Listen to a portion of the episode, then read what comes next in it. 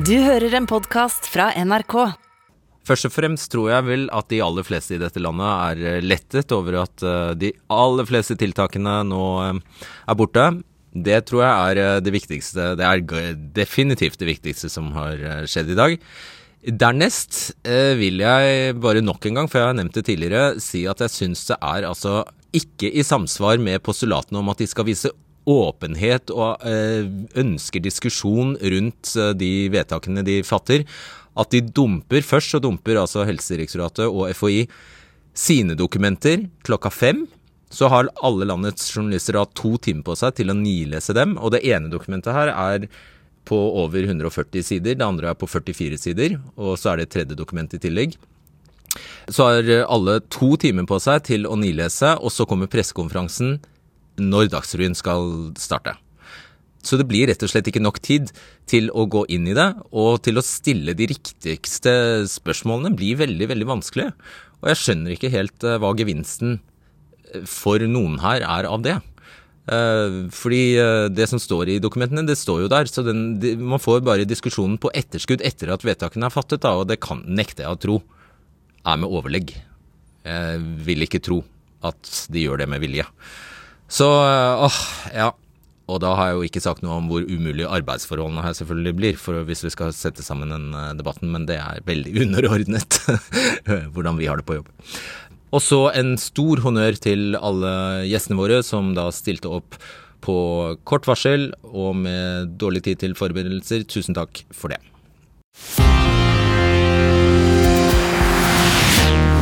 Munnbind, isolasjon, meteren og danseforbud gjelder fortsatt. Hvorfor skal vi stole på at det er nødvendig denne gangen, når alle scenarioene for smitte og sykdom har vært feil til nå? Og nå forsøker jeg ikke å være gledesdreper her på en dag da jeg vet mange er glad for at livet kan gå tilbake til noe som ligner normalitet. Men, er, eh, men er det én ting de som står på denne siden har sagt under hele pandemien, så er det at de skal være åpne om vurderingene. Så derfor spør vi i kveld om det er riktig vurdering å beholde tiltakene denne gangen, når de har bommet med anslagene gang på gang. Velkommen helse- og omsorgsminister Ingvild Kjerkol, assisterende helsedirektør Espen Rossrup Nakstad og avdelingsdirektør i FHI Line Wold. Og velkommen til deg, konsertarrangør eh, Martin Nilsen. Takk. Og før vi går i gang her, Hvis du har spørsmål om det nye tiltaksnivået, kan du stille dem på nrk.no. Der gir våre journalister deg svar. Vi skal eh, Ja, jeg tror vi starter med deg, eh, Martin. Du er altså konsertarrangør og ikke helt fornøyd med de tiltakene som kom i dag? Framförallt så ställer vi oss väl lite frågande till de tiltakene som har kommit. Självklart många som är glada, det är ju det. Vi märker att vi är på väg i rätt riktning. Men det är fortfarande väldigt få som kommer få ut någonting av det här så länge vi har kvar metern. Ehm, tar ett stort rum och du säger att du ska ha en meter, även om du har minskat kapaciteten, ska vi då ansvara för att de inte rör sig mot scenen om det är stående publik? Känns som att vi fortsätter med sittande. Ja, og bare for å oppklare, Hva slags type arrangementer er det du, du lager? Ett bra scenario just nu är ju kanske om vi har Elton John så har vi nästan 20 000 sittande med dagens restriktioner. Men vi får ikke ha 1700 på Sentrum Scene stående. Vil du forsøke å forklare logikken i dette, helseminister? Ja, I dag har vi gjort en rekke lettelser. Vi tar tilbake hverdagen. Vi gjør lettelser for barn og unge. Eh, skolen, jobben, fritidsaktivitetene blir mer som de her hverdagene vi har savna. Og så er jo spørsmålet da om vi kunne ha tatt tilbake helga òg og dratt på konsert. Eh, og det skjønner jeg er vanskelig for dem som driver den der type virksomheter som det du gjør. Eh, vi har beholdt meteren fordi det er et eh, tiltak som har god dokumentert smittefaglig effekt. Det har vært med oss gjennom hele pandemien. Og bruk av munnbind de gangene vi ikke kan overholde meteren. Eh, utover det så har vi gått lenger enn fagmyndighetene i lettelser på flere områder. Og så håper vi at hvis eh, den trenden vi nå ser, og den kunnskapen vi har brukt for å gjøre lettelser, står seg de neste to ukene, at vi òg kan la de siste tiltakene fare. Men jeg tror, jeg, Er det riktig forstått at det du virkelig ikke skjønner, er at du kan ha 7000, at du kan ha 7000 sittende, men ikke 1500 stående? Ja, riktig. Eller er det så at vi skal ansvare om vi til og med minsker kapasiteten så at man i praktiken skulle kunne ha en meters avstand? Skal vi da ansvare for at alle står med en meters avstand, eller rekker det med at rommet faktisk klarer av å ha en meters avstand? Skal vi la Nakstad svare på det? Kan, type, kan han teipe dem fast? Ja, det jeg kan i hvert fall si generelt er at eh, det er et poeng hvor mange som er i det samme rommet med tanke på luftvolum, eh, luftutskifting og den type ting. Eh, så, og så er det stor forskjell på innendørs og utendørs. og Det kan man også lese om med de faglige grunnlagene vi har spilt inn denne gangen. Og Så skjønner vi at uh, dette med store ansamlinger på konsert, særlig stående publikum, er en utfordring. Uh, men uh, så er det noe med det at alt kan kanskje ikke komme på en gang, og kanskje kommer det endringer om to uker. Og det er en stund til sommeren og de store konsertene.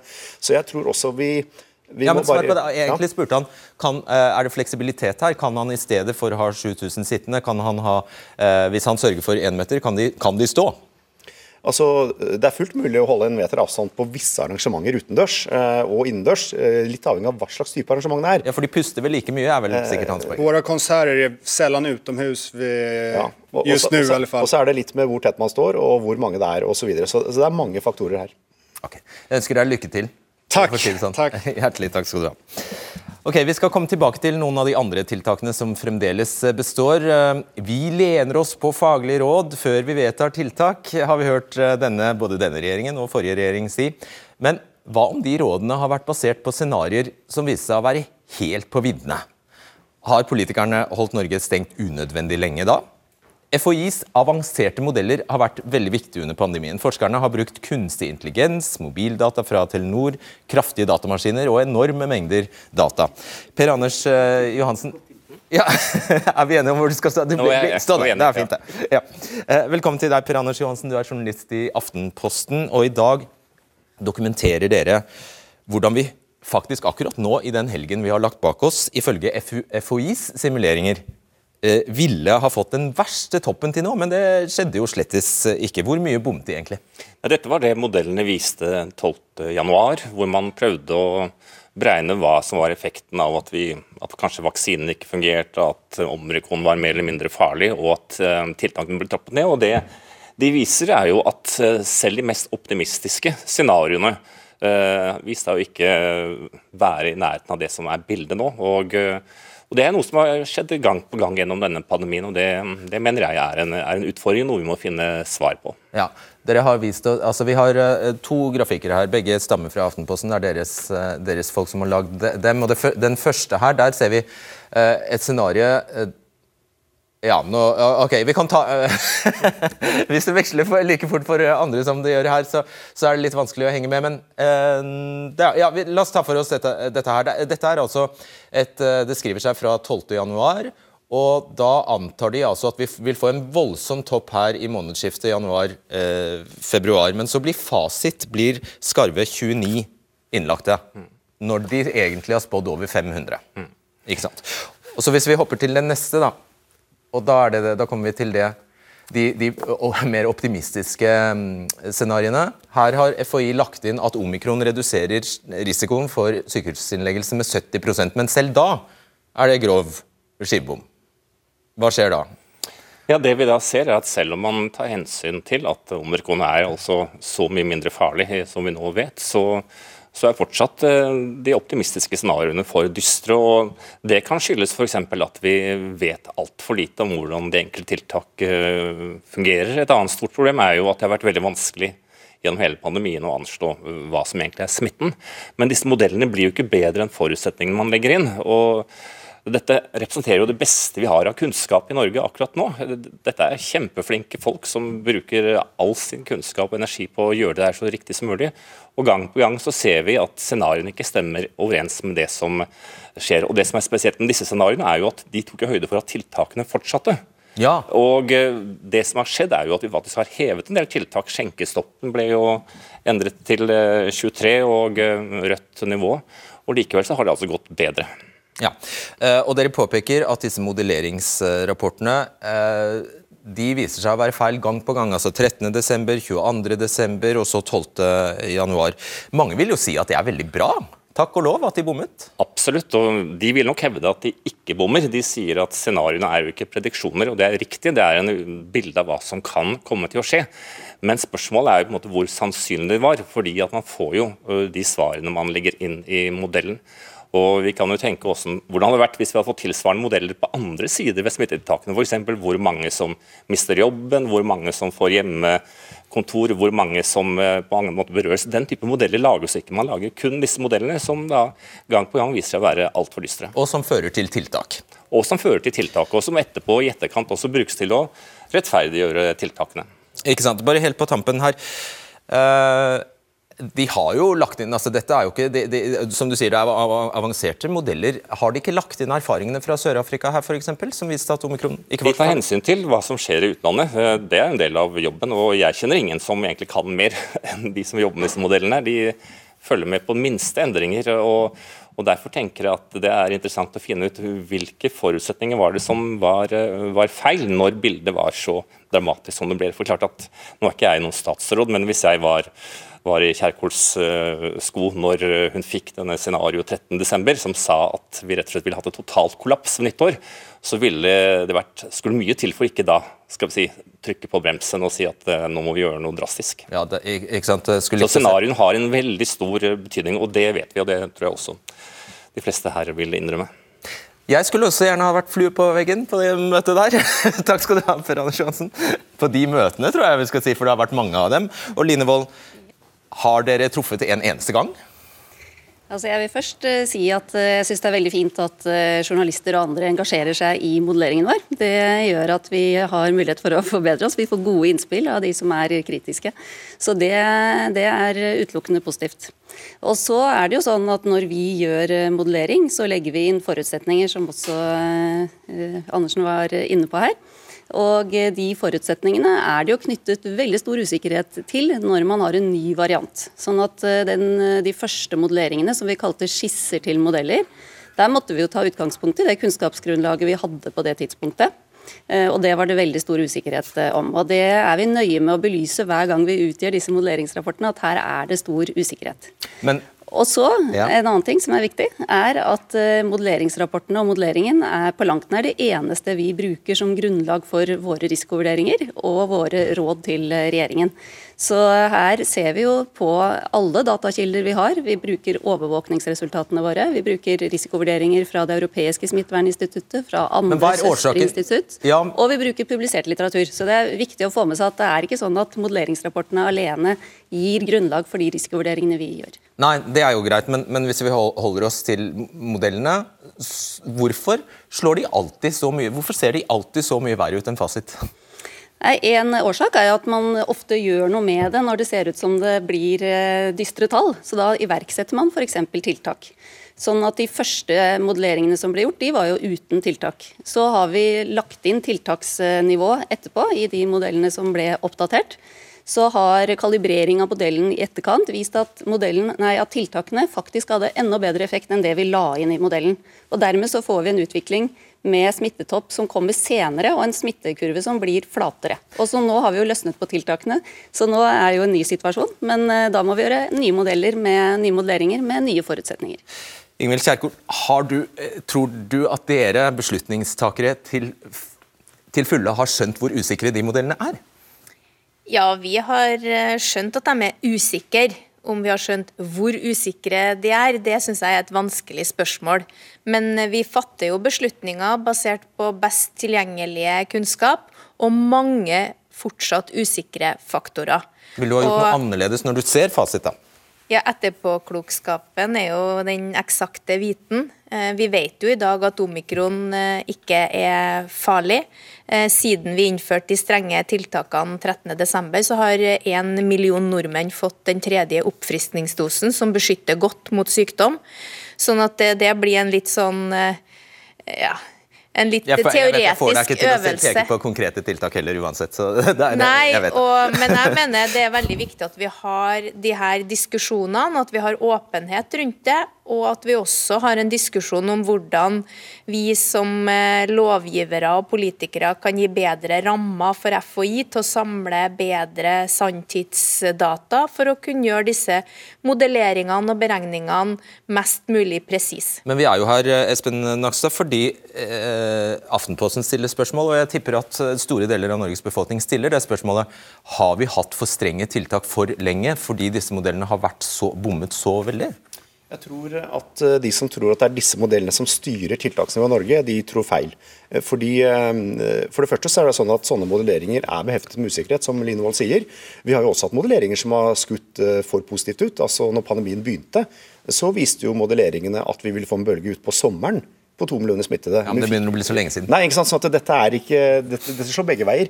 Men det som er viktig, er jo også at, at eh, når man vurderer eh, framtiden i pandemien, så må man bruke både modeller, men ikke minst deskriptiv statistikk. Altså det som forklarer hvordan eh, smitten er i dag, hvordan trendene har vært i land vi kan sammenligne oss med. Og på den figuren du viste, så kan det være en parallellforskyving her. Det kan være at vi faktisk ikke har kommet så langt i smitteutviklingen ennå. At vi kanskje ville kommet inn i dette laveste scenarioet om en uke eller to. Og Når vi i Helsedirektoratet får oppdrag fra departementet, så baserer jo vi oss på smittevernfaglig råd fra FHI. Det inkluderer modeller, men det inkluderer også veldig mye annen god eh, kunnskap. eh. Dere stoler ikke så mye på de modellene? Nei, er det det vi, vi, si? nei vi, vi, vi lener oss ikke spesielt mye på modeller fordi vi vet de er usikre, men de gir likevel noe interessant. For de sier noe om, gitt visse premisser, hvordan vil da denne nye virusvarianten spre seg. Det betyr ikke at det faktisk vil skje, men det gir likevel interessant informasjon å se på det. Akkurat. Du, eh, dere skriver eh, i dag, eh, altså det vi ble kjent med i dag, som dere da egentlig har ført i pennen for en ukes tid siden, i scenario med en større grad av gjenåpning 1.2., altså i dag, også parentes til 80% av normal kontaktrate, spiller tidspunktet for den etterfølgende fullstendige gjenåpningen mindre rolle. For det første, tilsvarer det de har gjort i dag, tilsvarer det sånn ca. 80% kontaktrate? Det er et vanskelig spørsmål. Det er nok ingen som vet. For akkurat hvor mye reduksjon i kontaktratet de forskjellige tiltakene og kontakt, eller tiltakspakkene virkelig gir, spørsmålet. er jo det som er vanskelig. alt, vil det si sånn? Kan det, Det indikere at det blir i hvert fall 80% Vi vet ikke det, altså. Så det kan vi rett og slett ikke si. Det er jo en av årsakene til at denne kurven, som Espen sa, er, parallell, eller er forskjøvet i tid. Det er fordi at tiltakene har hatt større effekt enn det vi Ja, la inn. Ok, så, men uh, ja uh, hvis, jeg bare, hvis vi forutsetter at når regjeringen nesten åpner alt, så vil det i hvert fall si 80, og i hvert fall si 80% Hvis vi bare legger, legger inn det, det som en forutsetning. Da betyr det dere skriver at da kan de like gjerne åpne alt i morgen. For da spiller det, det er det dere skriver, sant?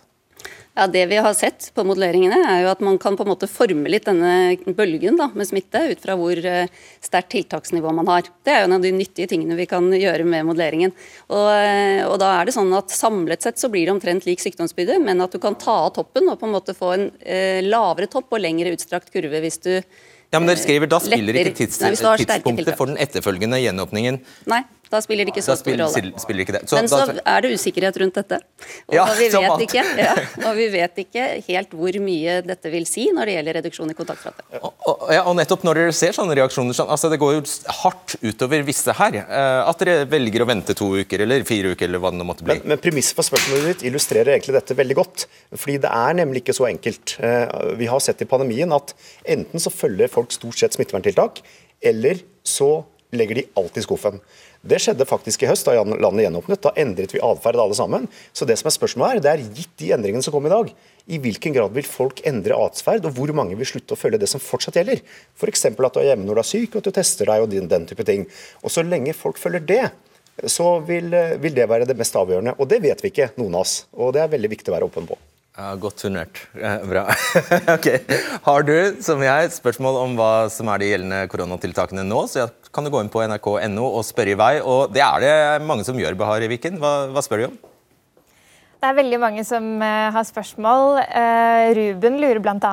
på hva som skjer med eksamen. Eh, Kristin lurer på hvor lenge denne gjenåpningen kommer til å være. Men det spørsmålet vi har fått desidert flest ganger i kveld, er om vi kan dra ut og danse med folk igjen. Ja, kan de det? Ja, nå ble jeg intervjua av Petter Svaar tidligere i kveld, og da sa jeg at det var lov å danse, og da danser jeg, og det har allerede blitt en sånn mem, så jeg er veldig påholden når jeg svarer deg nå, Fredrik Solvang. Men det er meteren som gjelder. Eh, og for mange som driver basert på et konsept hvor du skal stå tettere, sånn som han vi hadde inn i stad, så er jo det fortsatt krevende. Men jeg syns det er viktig å få fram at i dag har vi gjort lettelser for veldig mange sektorer. For barn og unge, fritidsaktiviteter. Sa det i sted. Og vi fraviker meteren for dem som sitter i en sal på tilviste plasser. Det betyr masse. Jeg vet at Folketeatret egentlig skulle komme i kveld, men det var vel for gode nyheter til at de ønska å komme. Eh, og det er også sånn at vi gjør unntak for studentene i auditoria. Og det betyr veldig mye for å ta tilbake hverdagen. Og så må vi se hvordan dette går, og så kan vi ta tilbake helga og festivalen og nattklubben og dansinga og alt det andre. Målet er jo at vi ikke skal ha noe tiltak. I rettferdighetens navn, du har helt rett. Det var en del forfall her fordi, fordi veldig mange er fornøyde. Det er, du skal ha det. Kristoffer Wilhelm Hansen, jeg tror det passer å gå til deg nå. Du er eh, eier puben Sirkus i sentrum av Stavanger med tolv ansatte. Dere var 22 før pandemien, har, har jeg skjønt. Du er lettet, men forvirret, er det riktig oppsummert? Uh, ja, ja, det er riktig. Uh, det er jo uh, Altså det som kom, var jo mye bedre enn en, uh, det som er frykta, det som har vært signalisert gjennom, eh, gjennom medietid. tidligere. Eh, det som vi sitter igjen med, er jo denne énmeteren, og den er jo Jeg sitter med en sånn følelse at det, det er en sånn symbolpolitikk som regjeringen har lagt inn bare for å ikke åpne opp helt. Og så blir regningen for den sendt til oss. Uh, for det, det, er jo en ganske inngripende ting for oss som driver i bar og nattklubb. Uh, og så, så, sitter de med tall som, um, som viste tidligere at det, ting er ikke så ille som, som de frykta. Likevel så veldig beholder denne. Og, og, og denne her dansemimen som ble omtalt, viser jo hvor usikre eller diffuse reglene rundt den er, og hvordan skal det håndheves? Ja, jeg kan spørre tilbake. Hva, hvordan har du tenkt å håndheve det, det med dansing? Eh, nei, det er jo noe jeg tenker på nå, da. Så eh, vi må jo eh, eh, Vi kan jo få et svar etterpå om det er lov å danse, men, men jeg, jeg, tror vi må ha mindre folk inne, rett og slett. Og så prøve å, ha litt bedre plass i lokalet. Og, og så blir det et problem om å holde styr på hvem som kjenner hverandre godt nok til å stå innenfor en meter og utenfor en meter. Det blir jo en utfordring for dørvakter og, og de som er på jobb. Det blir en avansert ting, dette her. Uh, og jeg tror i effekt så, så, blir det symbolpolitikk. Jeg tror jeg frykter at uh, det blir så vanskelig å overholde at i store deler av landet og mange plasser så kommer det til å bli ja, kommer til å bli u, u, altså noe som faller gjennom, på en måte. Ok, Vi tar den videre. Du får svare kort på, på det. Uten å gjøre det til en Et et alternativ hadde jo vært å holde på bordservering. Eh, da ville jo sirkus kunne ha fylt opp lokalet med bordservering. Det valgte vi å lette på og si at det er meteren som gjelder. Det er en universell regel. Det gjelder for deg, det gjelder for meg, det gjelder for alle. Eh, og det er noe vi skal vurdere gjennom 14 dager. Og hvis utviklinga går sånn som vi håper, så kan vi gjøre lettelser også på den. Okay. Er fornøyd med svaret? Ja, ja det, er jo, det, er jo, like uklart som tidligere, da, men eh, vi får prøve å gjøre det beste ut av det. Jeg tror jo bransjen vil prøve å gjøre det, men ja, vi får se. Vi får se. Ok, lykke til. Denne grafen uh, som uh, jeg håper vi får se snart, uh, har vi fått tillatelse av VG til å vise fram. Ja, her er den. Eh, den er basert på den samme risikorapporten til FHI som vi snakket om i sted, altså den som var, eh, kom 12.1. Vi har jo alle fått med oss at nå er det ikke lenger antall sykehusinnleggelser vi skal bekymre oss for. Nå er det, altså, og som er årsaken til tiltakene, nå er det sykefraværet. Og her eh, ser vi at selv hvis regjeringen hadde valgt å åpne helt i dag, så ville flere holde seg hjemme pga. råd og isolasjonsregler enn de som faktisk er så syke at de må være hjemme. Alle er med? Håper det. Nils August Andresen, du er redaktør i Minerva. Og du har tre doser med Moderna innabords. Beskriver deg selv som en 43 år gammel mann i akseptabel fysisk forfatning. Eh, for noen dager siden testet du positivt for korona og ble følgelig satt i isolasjon. Eh, men noen, ønsker om god bedring, det vil du ikke ha. Hvorfor ikke? Nei, for jeg, jeg, har hatt en litt lett forkjølelse. og Det er ikke vanlig at man får ønsker fra hele verden om eh, god bedring hver gang man har eh, lett forkjølelse. Det verste symptomet er stemmen, som du hører litt her. Eh, men jeg er også litt bekymret for at vi, at vi, har dette isolasjonsregelverket, at vi har det såpass lettvint som vi har det. Vi har liksom vent oss til at når man har en lett forkjølelse, som, og for de fleste, det er det som er mitt poeng, det er ikke noe utypisk at en person med tre doser på min alder har en lett, eh, bare en lett forkjølelse, at vi venner oss til at det er en grunn for isolasjon. Og Vi glemmer at det er et ekstremt tiltak for en ekstrem situasjon. Vi hadde en ekstrem situasjon i mars 2020, og vi hadde det vinteren og våren 2021, eh, hvor vi hvor vi fryktet kollaps i helsevesenet og samfunnsmessig destabilisering. Og vi, vi reddet tusenvis av liv ved, ved, å utsette smitten til vi, til vi, fikk vaksiner. Men nå er vi ikke i den situasjonen. og det er det at Vi både bruker disse tiltakene som er på en måte ekstreme, eh, for en situasjon som ikke er så ekstrem. Ta, så Isolasjon er et veldig godt eksempel. Noe, for meg er det ikke noe katastrofe å sitte i isolasjon. Jeg er tobarnsfar med, med hage, og det er ikke så veldig stor forskjell på på isolasjon og det som vi dessverre kaller for, for hverdag. Så, så, Det er ikke meg det er synd på, men for mange er dette et veldig, veldig inngripende tiltak som i realiteten er en form for frihetsberøvelse. Det er jo det det er. Og så har jeg skjønt også, Andresen, at eh, et ytterligere poeng er at du i stedet for å sitte der og tusle rundt i leiligheten din, eh, kunne vært samfunnsnyttig borger og, og eh, vært i full sving som redaktør i Minerva-nett. sant?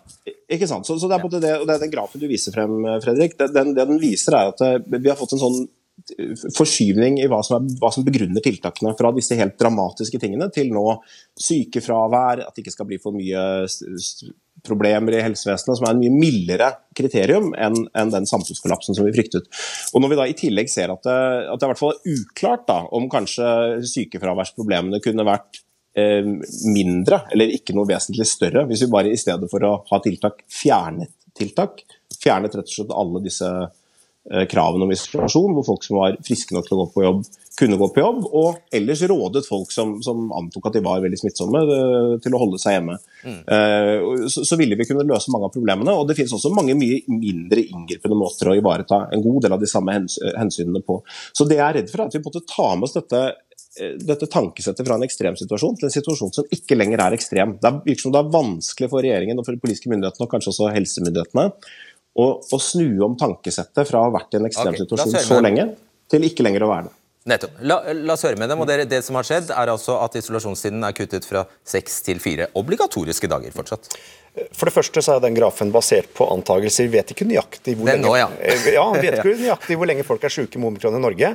Eh, dette baserer seg på at de fleste er syke i mindre enn tre dager. Det er ikke sikkert det er sånn. Men det som er helt feil i det som ble sagt her, det er at dette ikke spiller noen rolle. fordi eh, hvis du da eh, som redaktør i Minerva Nett går på jobb med symptomer, så kan du smitte alle kollegene dine. Da blir de også syke, og da får du et større sykefravær enn om én person holder seg hjemme. Og Det er hele logikken i en pandemi. Eh, og Det aller aller viktigste tiltaket, faktisk viktigere kanskje enn vaksine når det gjelder å holde smitten under kontroll, det er å være hjemme når du er syk. Det er ingen tvil om det. Og R-tallet for dette omikronviruset i en ikke-vaksinert befolkning som har normalkontakt, er antagelig veldig høyt. Kanskje mest, noe av det mest smittsomme vi er vant til, kanskje mer smittsomt enn meslinger. Sånn at uh, dette er rett og slett ikke riktig. Man må også tenke på konsekvensen av å smitte mange. Og du, du får svare veldig, veldig kjapt. Ja, altså Jeg sa ikke at det ikke har noen konsekvens for smittetoppen, men jeg sa at med mindre smittetoppen blir tre ganger så høy, det er denne, det den figuren viser, med mindre smittetoppen blir tre ganger så høy, så vil man kanskje få mindre sykefravær dersom folk som er friske nok til å gå på jobb, går på jobb. Jeg er helt åpen på at det selvfølgelig vil gi en høyere smittetopp, men som FHI har sagt, og som jeg tror myndighetene er åpne om, så regner vi med at de fleste vil bli smittet. Så mine kolleger kan altså få valget mellom å bli smittet av meg eller å bli smittet med noen andre. Men så har vi en rekke andre smittsomme sykdommer hvor vi er ganske flinke til å å holde oss eh, for oss selv når vi, eh, er, når vi er syke, uten at dette er lovpålagt i form av isolasjon. For det er et ekstremt inngrep. Og Kjerkol, det er jo her vi faller av mange, mange fordi På den ene siden sier dere det er en fordel hvis du har fått tre doser og er, ellers er frisk, å få smitten nå. Og så sier Nakstad eh, du kan risikere å bli smittet. Det vil du ikke. Ja, vi har jo fokusert eh, nå på fravær og sykefravær som en risiko for det som er samfunnskritiske funksjoner. Det er det vi liksom har eh, Det er det som har ikke det vært hovedbegrunnelsen? Eh, det er det som er bekymringa nå i pandemihåndteringa. Og så må jeg jo si at jeg følger jo ikke Minervanet sin beskrivelse av at eh, vi gjør vurderinger ut ifra en ekstrem situasjon. Det gjør vi ikke. Vi gjør vurderinger ut ifra at dette er et mindre farlig virus som folk ikke blir særlig syke av, og vi har gjort løpende lettelser i karantenebestemmelser. Ja, men det er ingen andre sykdommer som gir deg isolasjon, vi, bortsett fra en eller annen eh, nei, type lungebetennelse eller noe sånt? har jeg skjønt. Ja, kan jeg fortelle ja. om hvilke lettelser vi har gjort? Vi har gjort ja, løpende lettelser i karantenebestemmelser. Vi tok bort Eh, øvrige nærkontakter. Nå har vi tatt bort eh, smittekarantene også for husstandsmedlemmer. Alt som gir fravær, har vi lempa på. Eh, det som er igjen, er isolasjon. Der gikk vi fra seks til fire dager, basert på smittefaglige råd. og klart målet er at vi ikke skal ha den type bestemmelser heller ikke for covid. At det skal være fravær som følge av vanlig sykdom.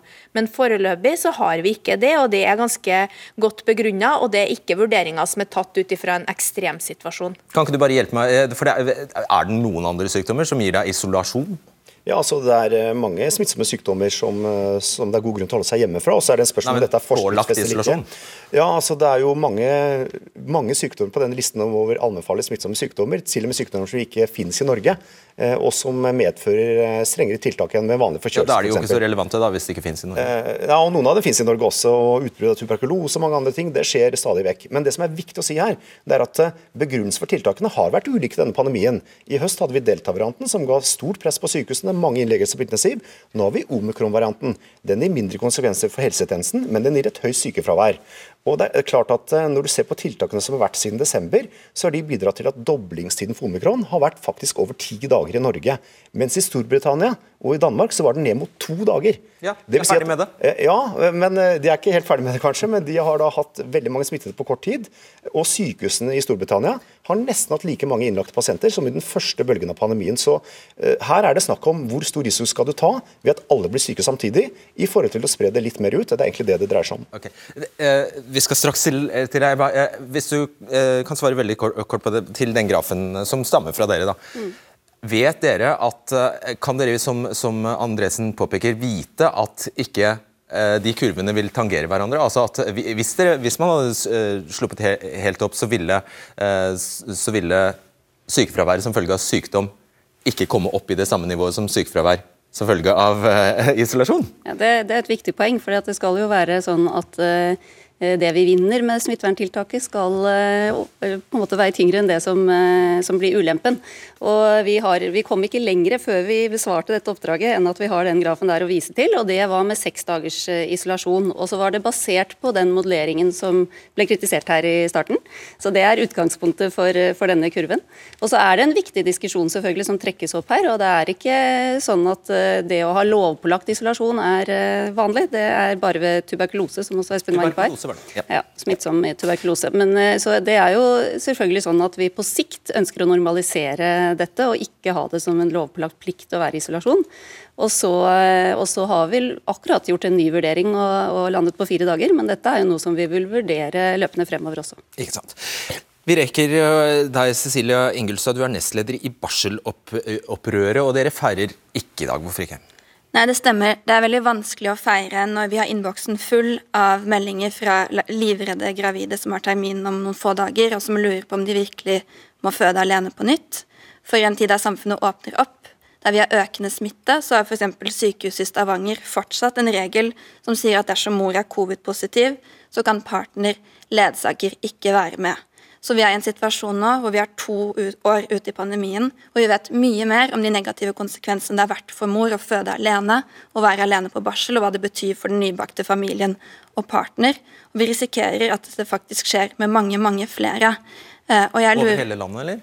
Eh, det varierer litt fra sykehusene. Det er også veldig vanskelig, for mange sykehus har ikke oppdatert informasjon på nettsidene sine. Sykehuset Stavanger eh, måtte først bli kontaktet av pasientombudet og flere kvinner mange ganger før de la dette ut på nettsiden sin 28.1. Eh, men jeg vil gjerne spørre helseministeren om noe. Eh, for jeg får melding fra en kvinne som har født alene i begynnelsen av pandemien, som har vært gjennom behandling for traumer og fødselsdepresjon, som nå er smittet, har termin om et par dager og spør må jeg virkelig gå gjennom dette her en gang til. må jeg føde alene, omgitt av mennesker som jeg ikke kjenner, som har på seg smittevernstrakt, og etterpå være alene på sykehuset og ta meg av min, eh, min nyfødte baby? Nei, når du skal føde, så skal du få ha med deg en eh, sammen med deg. Eh, partneren eh, er jo ofte den som er med.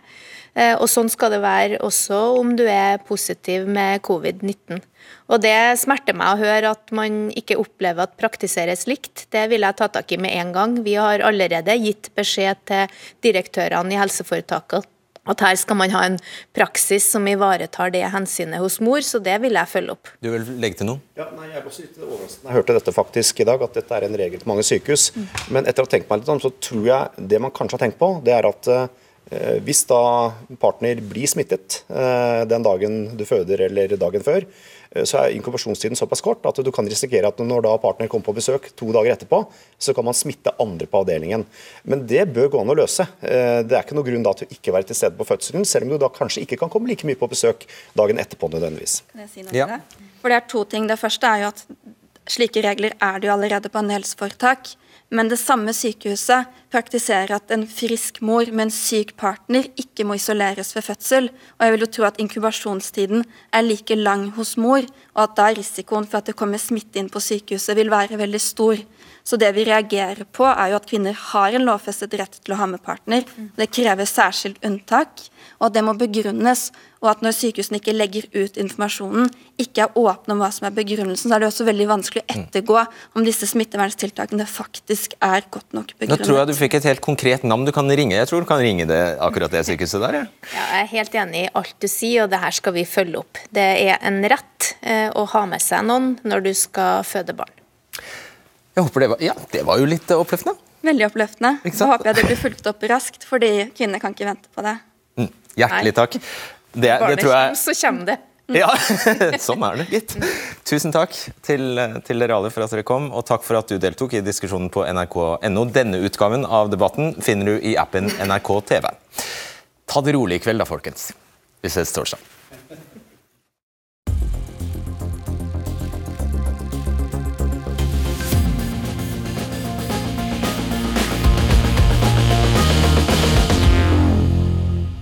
Det jeg så i ettertid, hvis vi hadde hatt bedre tid, kunne hatt uh, tatt med her, som jeg tror vi kommer tilbake til, det er jo hensynet til de mange eldre og de som, er, som har immunsvikt, og som uh, helt sikkert er veldig engstelige nå for hva som skjer. Det kom jeg på etterpå at det, det kunne vi uh, sikkert ha prøvd å, å, få dekket, men vi får ha det til gode. Jeg er sikker på at den debatten kommer opp i dagene som kommer. Jeg setter veldig pris på at du hører debatten på podkast, og hvis eh, du skulle ha eh, innspill til oss, så er det bare å bruke e-postadressen debatten krøllalfa nrk.no. Ha det bra. Du har hørt en podkast fra NRK. De nyeste episodene hører du først i appen NRK Radio.